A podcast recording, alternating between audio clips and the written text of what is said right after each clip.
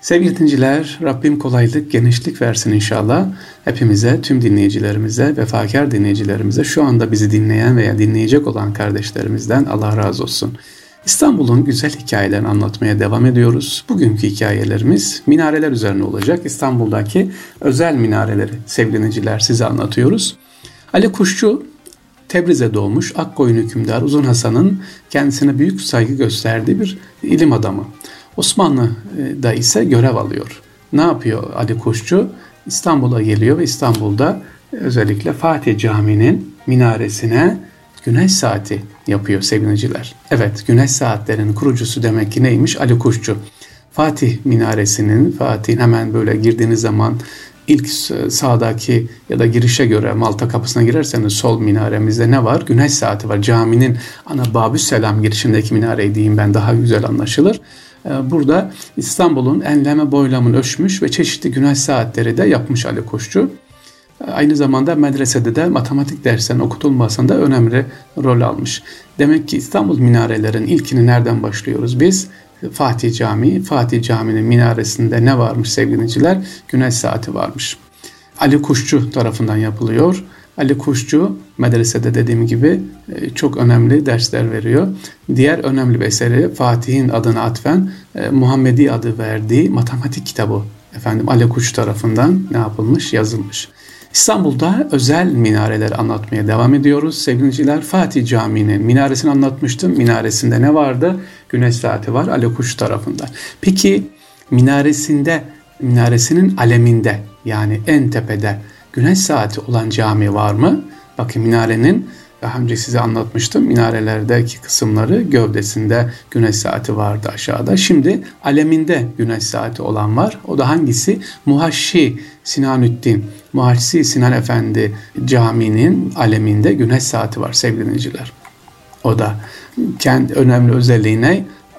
Bu caminin tam tepesinde, minarenin tepesinde güneş saatinin olması. Bu cami şerifin banisi Haşiyeci ya da Muhaşşi Sinanettin Yusuf bin Hüsamettin Efendi. Kendisi Tokat'ın Erbaa ilçesinde doğmuş efendim.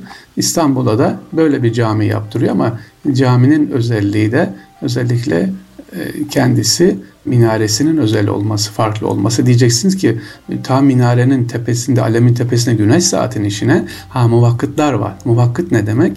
Güneş saatlerini anlayan, ayarlayan kişiler bunların anlayacağı şekilde e, minare şerefeye çıkıyor. Şerefeden vaktin gelip gelmediğini ne yapıyor? Ayarlıyor. Peki neden aleme konulmuş diyeceksiniz diğerleri gövdede dururken?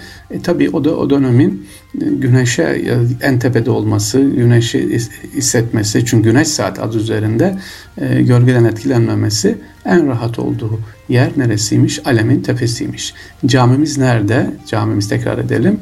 Muhaşşi Yusuf bin Hüsamettin Efendi Cami Anadolu Hisarı Cami sokakta Göksu Deresi'ne bakan bir tepe üzerinde bulunuyor bu camimiz sevgiliciler. İstanbul'un hikayelerinde size minareleri anlatıyoruz. Minarelerinde hikayesi. Bir minaremiz daha var. Sevgili İstanbul'da tabi her yapının bir özelliği var. Defterdar Nazlı Mahmud Efendi Camii. Bakın Defterdar Nazlı Mahmud Efendi Camii. İstanbul'da Eyüp Sultan'a giderken Defterdar iskelesi karşısında Yavetüt Caddesi ile Çömlekçiler arka sokağın hemen olduğu yerde Kanuni Süleyman devri defterdarlarındandır Nazlı Mahmud Efendi. 1541 yılında camimiz inşa edilmiş. Caminin özelliği ise nedir? E, minaresinde gibi sır var nedir? E, Defterdar Mahmut Çelebi dönemin en önemli hattatı Şeyh Hamidullah'ın talebesi olmuş. Yani uzun e, yıllar sonra hattatlığa başlamış.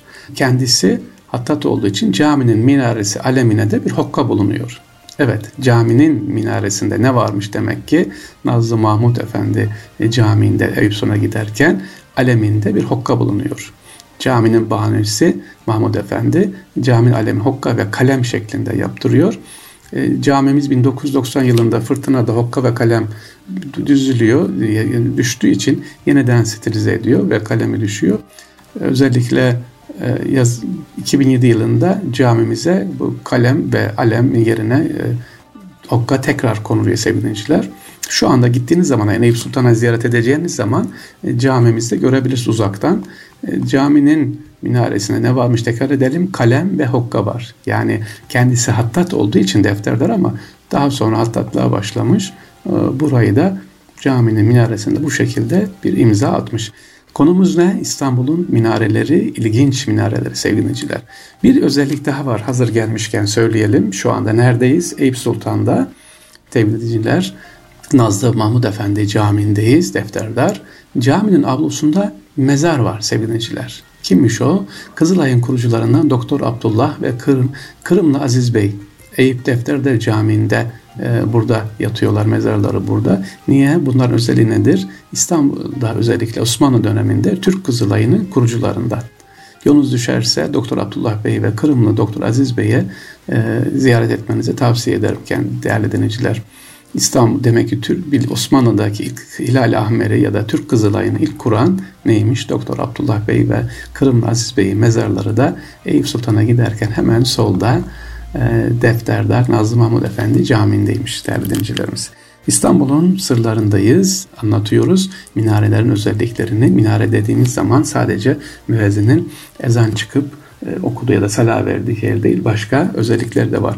E, sevgilinciler, minare şerefesi olmayanlar da var. Peki minare var ama şerefesi yok. Zannetmeyin ki burada ezan okunmuyor. Tam tersi mimar o kadar güzel yapmış ki değerli denizciler aşağıdan okunuyor ezan ve yukarıda etrafa dağılıyor. İşte bu da ustanın, mimarın özelliklerinden bir tanesi inşallah. İstanbul'un hikayelerinde minareler çok sevgiliciler. Camilerimiz, Sultanahmet Camii'ne daha gelmedik. 6 tane neden minaresi var farklı. Ve neden 14 şerefesi var? E, Sultanahmet'in yaşıyla ilgili mi? İnşallah bunlara da yine camilerimizi gezdikçe anlatacağız. Sizler de bulunduğunuz yerlerde sevgiliciler İnşallah e, camimiz var, minare var ama minareler mesela İstanbul'da bakıyorum, Edirne Kapı'dan bakıyorum, e, Hasköy tarafında ya da Kasımpaşa tarafında yeni yapılan camiler var. Minareler çok büyük. Osmanlı'da usul nedir, altın oran nedir? Caminin kubbesinden yani kubbesin aleminden iki parmak yükseklikte olacak. Daha fazla yükseklik olmuyor. Zaten şöyle bir özellik var Osmanlı İstanbul'un da eğer bir cami varsa, caminin minaresi varsa caminin minaresini geçmiyor yanındaki binalar. Şimdi bazı mühendis arkadaşlara, mimarlara soruyorum ya e, bu minare bu camiye olmadı, yakışmadı. E, hocam yaptıran öyle istiyor. Bir de mecburuz çünkü binalar var, ses gitmez. Yani bakıyorsunuz cami aşağıda, kubbesi aşağıda, ana kubbe, minare uu, sivrilmiş gitmiş. Neden? E, bir ses gitti. Çünkü binalı etraf binayla kapatmış. Ama Osmanlı'da öyle miydi? Cami varsa evin binanın yüksekliği minarenin yüksekliğinden geçemezdi. Şimdi tam tersi. Mesela Bali Paşa Camii'nin yakınına bakın. E, Fatih'te yine parmak kapıdaki cami yeni yapılan bakın etrafı tamamen binalarla kapanmış. E, minare yükselti yükseltemezsin bir de estetik var. Dolayısıyla minareler şimdi artık ne yapmış? Aşağıda kalmış. Evet, buradan da neyi çıkartıyoruz sevgiliciler? Estetik ama e, aynı zamanda ne var? E, sanat ve bizim de bu estetiğe dikkat etmemiz lazım. Etmiyoruz. Yeter ki bir kat fazla olsun, iki kat fazla olsun diye ne yapıyoruz? Etrafımızda bulunan tarihi eserleri binayla gömüyoruz. Hele mesela geçen gittim Humbaracıbaşı Camii var. Kasımpaşa'ya girişte köprünün altında kalmış cami adeta yok olmuş. Yani ona farklı bir mimari düzeltilemez miydi? Çok güzel tarihi bir cami ama üstünden köprü geçiyor. İnşallah güzel mimarlarımız yetişir. E, bu estetiğe, bu güzelliğe dikkat ederler sevgiliciler. Erkam Radyo'dan bizi dinlediniz, zaman ayırdınız sevgiliciler, vefakar dinleyicilerimiz. İnşallah tekrar görüşmek üzere. Allah'a emanet olunuz.